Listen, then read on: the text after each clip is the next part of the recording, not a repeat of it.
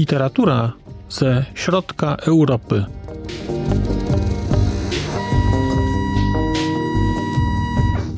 Podcast około książkowy.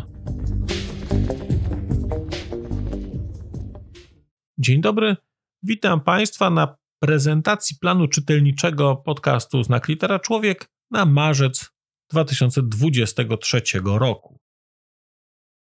Zdecydowałem się, że w marcu będę czytał głównie literaturę postmodernistyczną, trochę zainspirowany książką Matej Wisznieka, Sprzedawca początków powieści, i zainspirowany książką, ale także Państwa rekomendacjami wokół tej książki, Państwa rekomendacjami czytelniczymi od dosyć dawna pojawiającymi się czy w komentarzach, czy w bezpośredniej komunikacji ze mną.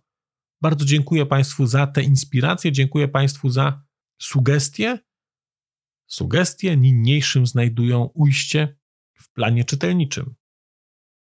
W marcu pojawią się więc takie książki jak Sweeney wśród drzew Flana O'Briena, Jeśli zimową nocą podróżny Italo Calvino, będą dwie książki Raymonda Keno Ćwiczenia stylistyczne i Zazi w metrze. Pojawi się także Jorge Luis Borges ze swoimi fikcjami. Będzie książka Johna Bartha opowiadać dalej. Będzie Umberto Eco wreszcie z książką Baudolino. I pojawią się także dwie książki z kategorii non-fiction, czyli Jacques'a Derrida o gramatologii i Briana McHale'a powieść postmodernistyczna. Cóż mogę więcej powiedzieć? Zachęcam Państwa do słuchania podcastu.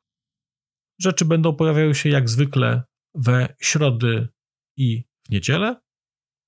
A ja bardzo dziękuję i mówię Państwu do usłyszenia.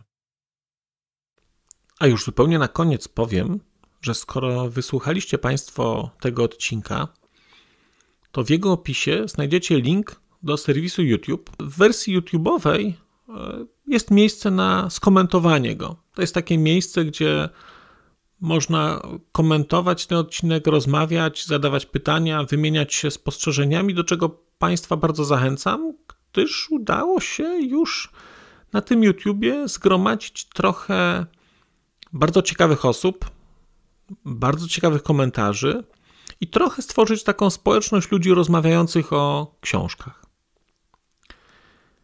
Też na koniec, zupełnie na koniec, e, poproszę Państwa o wystawienie oceny mi w ramach e, tych platform podcastowych, na których Państwo tego odcinka wysłuchaliście. I nieważne jaka ta ocena będzie, istotne dla mnie po prostu, że będzie. Tymczasem się żegnam już naprawdę i do usłyszenia za czas jakiś.